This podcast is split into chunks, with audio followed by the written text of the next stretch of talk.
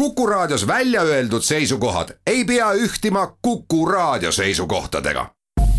Te kuulate Kuku Raadiot. loodusajakiri, vaata ka looduseajakiri.ee. tere kõigile, Loodusajakiri alustab. kuku raadio stuudios on MTÜ Loodusajakiri tegevjuht Riho Kinks, tere Riho. tervist. saatejuht on Tiiu Rööp Eesti Ornitoloogiaühing tähistab maikuus oma sajandat tegutsemisaastat ja selle olulise sündmuse rõhutamiseks on ajakirja Eesti Loodus maikuu number suuresti linnuteemaline. meil on plaanis tänase saatega ajakirja lehitseda ja teile rääkida, millest saab lugeda ajakirja Eesti Loodus maikuu numbrist vast esimene väga huvitav ülevaade, mille juures ma kindlasti tahaksin peatuda, on Euroopa riikide rahvuslinnud ja sümbollinnud. ma ei ole sellist ülevaadet varem kohanud. see ongi täiesti õige, üllatuslikul kombel ähm, Peep Veedla, kes on ähm, teinud kõva uurimistööd juba pikka aega nende rahvuslindude väljaselgitamiseks ütles, et ta ise ka avastas üllatusega, et tegelikult ei olegi sellist, tema arvas, et on noh, selliseid raamatuid on mitu välja antud juba, aga selgus, et polegi ja täitis selle tühimiku ära ja on äh, sellest siis nüüd eesti keeles äh, kirjutanud raamatukoguni Euroopa rahvuslindudest ja sümbollindudest ja siin Eesti looduses on siis äh, ära toodud Euroopa riikide rahvuslinnud aga asi ei ole üldse nii lihtne, kui seda lähemalt ähm, lugeda, et meil Eestis on küll hästi teada, et rahvuslind on suitsupääsuke ja on meil isegi rahvussümboliks ametlikult kinnitatud, aga teiste riikidega, paljudega on üllatuslikult segadust, et kas ei ole üldse kinnitatud ametlikult neid rahvuslinde või siis on ähm, kohalikud elanikud ise segaduses, et kes see rahvuslind on, et arvatakse, et on üks, aga kui uurida ametlikke dokumente, siis on hoopis mõni teine liik näiteks. Ja siin üks näide on ähm, Island, kes seal retkel käib, siis tuleb tagasi lunnipiltidega et lunn on kindlalt Islandi sümbol, aga siit selgub, et nende rahvuslind on hoopiski jahipistrik näiteks, mitte lunn. ja teisi näiteid on siin veel, Belgia kohta on eriti huvitavalt öeldud, et ähm, rahvuslinnuks on küll tuuletallaja valitud juba eelmise sajandi keskpaigas, aga praegu eitatakse seda, et oleks selline lind valitud, nii et äh, segadust nendega on päris palju kui pöörata järgmine lehekülg Eesti Looduse mai numbris, siis leiab siit ühe teise ülevaate, mis eeldab süvenemist ja mille puhul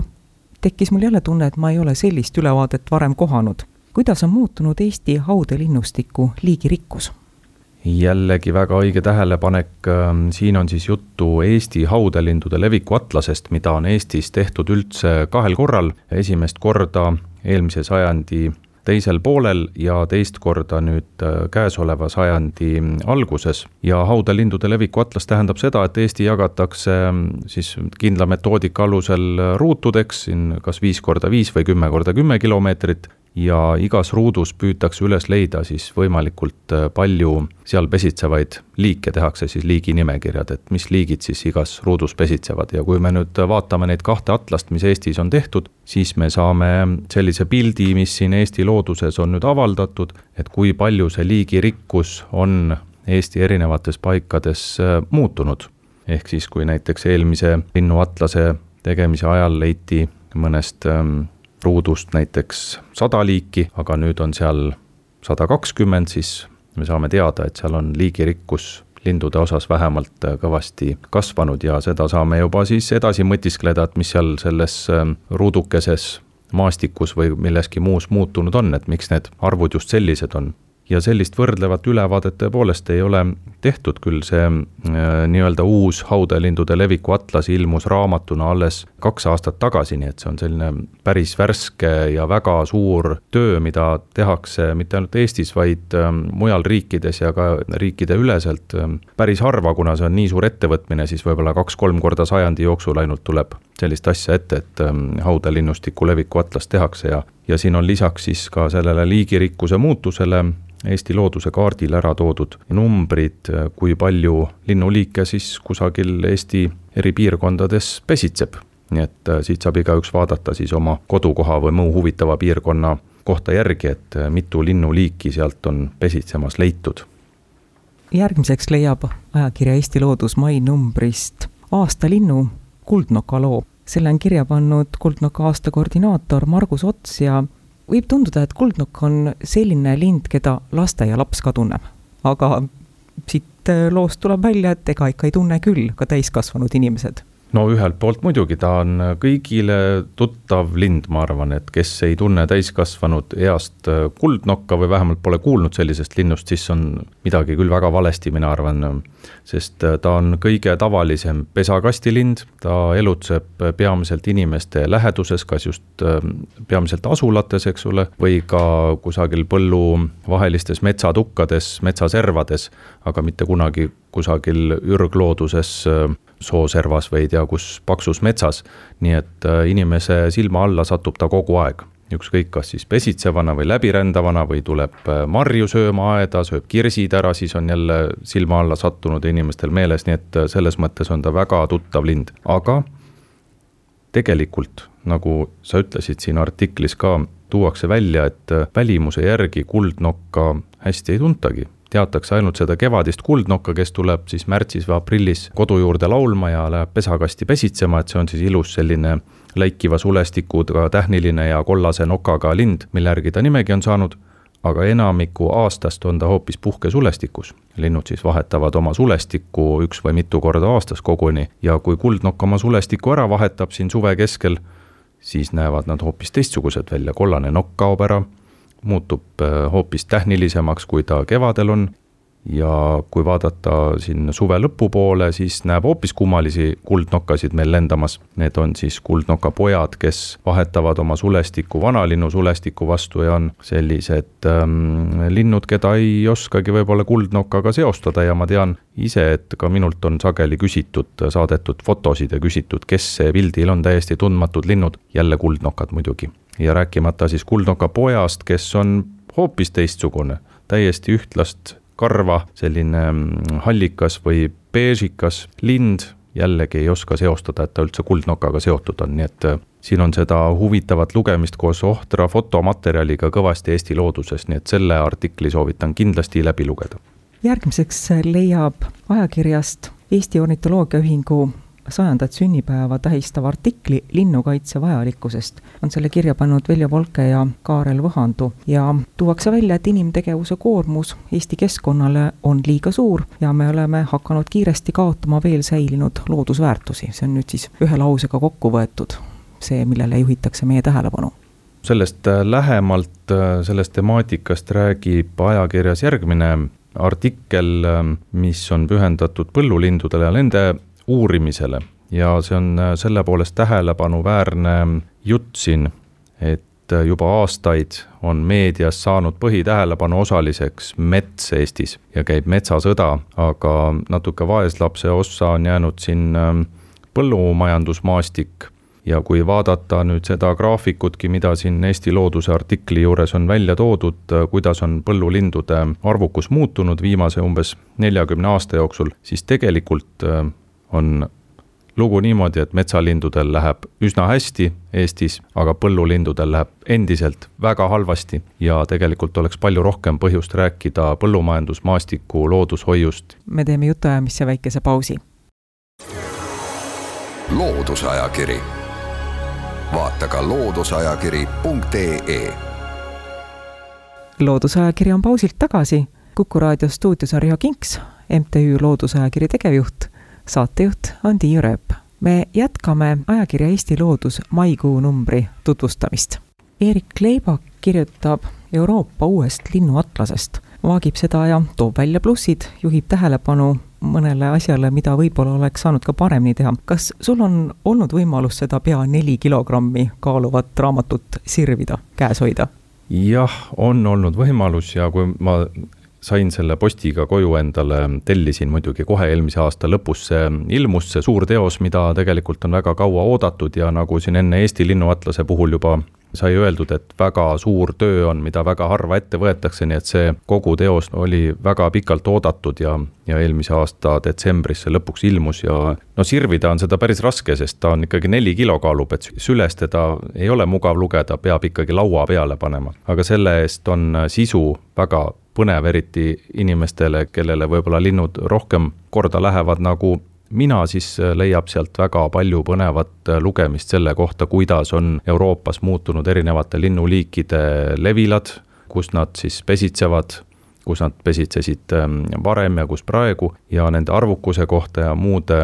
näitajate kohta ja siin ka Erik Leibak selles artiklis on välja toonud siin huvitavaid äh, tähelepanekuid, mida tema siit raamatust on välja lugenud, äh, millised linnuliigid võiksid meile lähiajal Eestisse hakata äh, saabuma pesitsejatena siis ja millised äh, meilt võib-olla siit välja surevad lähiajal, nii et äh, see on päris huvitav lugemine, kellele ei satu see atlas ise kätte, mida on võimalik Eestis vast suurematest raamatukogudest ja, ja ornitoloogiaühingust vaadata või sirvida siis äh, võiksid Eesti Looduse artiklist lugeda, saab siis teada, näiteks ähm, hõbehaigur on praegu Eestis muutunud väga tavaliseks, juba pesitseb sadu paare siin Eestis, selline ähm, uustulnuk või siis äh, mõned sellised väiksemad linnud nagu väike käosulane, võib-olla inimestele tundmatu, aga aga ka saabunud meile hoopis ida poolt siin laiendanud oma levilat. Ja võib-olla kaob meil ära jällegi vainurästas, kes on peetud meie Eesti nii-öelda ürgliigiks, aga kelle levila liigub järjest põhja poole, nii et ähm, saame näha, mis siin lähiaastakümnenditel juhtuma hakkab. rubriigis Tegutse teadlikult kirjutab Martin Tikk sellest, kas ja kuidas abistada linnupoega. ma arvan, et küsimust, kas ja kuidas abistada linnupoega, seda on sulle väga paljusid kordi esitatud ja head vastust vist ei olegi no see on äh, iga kevade kõige tavalisem küsimus üldse, ma arvan, et, ähm, et mida teha siis, kui leiad linnupoja kuskilt, sest äh, inimesed ähm, väga tähelepanelikuks muutunud, väga hoolivaks keskkonna suhtes äh, ja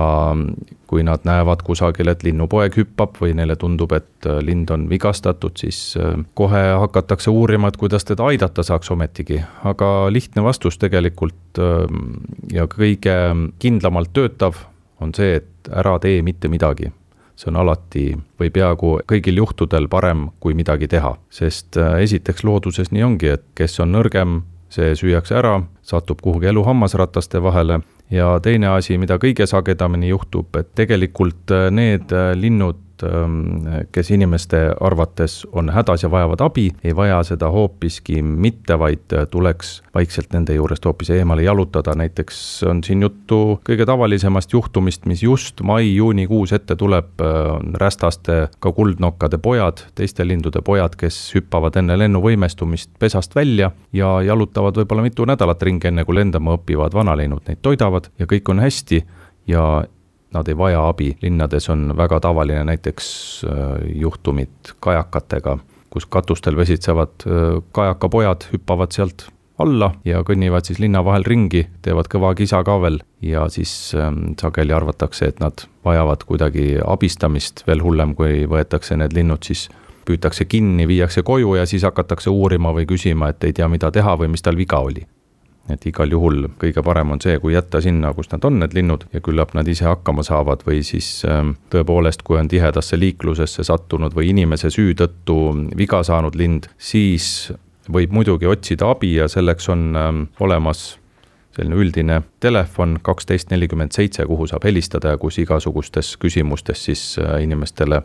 riigiabi infotelefonilt ähm, abi antakse ja juhendatakse, mida teha ajakirja Eesti Loodus selles numbris, mai numbris, saab alguse artiklite sari Eesti veestikust ja selle ümberkujundamisest. sarja esimeses loos võtab geograaf Arvo Järvet vaatluse alla meie mere ja vooluveekogud. see on väga õpetlik lugu minu jaoks ja ma arvan, et siit saab huvitavat lugemist eelkõige inimene, kes tegeleb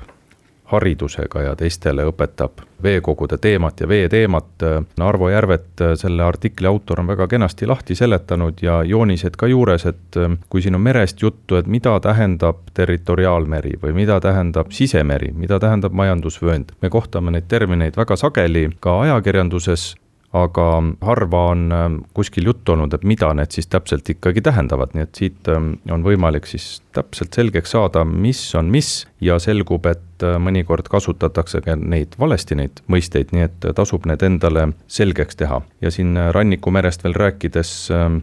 või Eesti merevetest äh, on siin juttu sellest, kui palju meil lahtesid on ja kuidas meie mereosasid jagatakse, muuhulgas on siin välja toodud, et Eestile kuulub kogu Läänemerest peaaegu seitse protsenti koguni, nii et päris suur tükk, samas ka vastutus, eks ole, selle mere eest lasub siis Eestil ja vooluveekogudest on jällegi huvitav lugeda, et kuidas seda jõgede pikkust õieti mõõdetakse, et siin on ka erinevad andmed erinevates ähm, kohtades, et kui pikk on näiteks Suurema jõgi, et kas ta on nüüd sada üks kilomeetrit või, või on sada nelikümmend seitse kilomeetrit, et milline see õige vastus peaks olema. ja kuna Arvo Järvet ise on siis ähm, siseveekogude uurija, siis ta läheneb asjale teaduslikult ja süstemaatiliselt ja teeb selgeks, miks üks või teine number on õigem kui see, mida võib-olla kusagil on seni kasutatud. nii et väga hariv lugemine igal juhul. kahjuks me ei jõua saates teile kõigest lähemalt rääkida, millest ajakirja Eesti Loodus pea saja leheküljelisest maikuu numbrist lugeda saab, aga nimetame tõtakalt ära veel mõned artiklid, mõned teemad. Rubriigis Abiks õpetajale kirjutatakse Miks õied lõhnavad selle ajakirjanumbri pikk intervjuu on ornitoloog Rutt Lingiga. Juris Smalinskis alustab matkaradade sarja, oma esimeses artiklis on ta vaatluse alla võtnud metsamatkaraja, mis on osa Euroopa kaugmatkarajast E üksteist metsandusloolane Toivo Meikar kirjutab Pühajärve rahvuspargi ideest ning ajakirjast leiab ka artikli harrastusteadlasi kaasavast uuringust Eesti otsib nurmenukke. Lauri Vahtre jätkab muinasaegse Padise maantee otsinguid. Saatejuht Tiia Rööp tänab külalist, mittetulundusühing Loodusajakiri tegevjuhti Riho Kinksi, aitäh! aitäh kõigile kuulajatele, rõõmu ajakirja Eesti Loodus lugemisest! loodusajakiri, vaata ka looduseajakiri.ee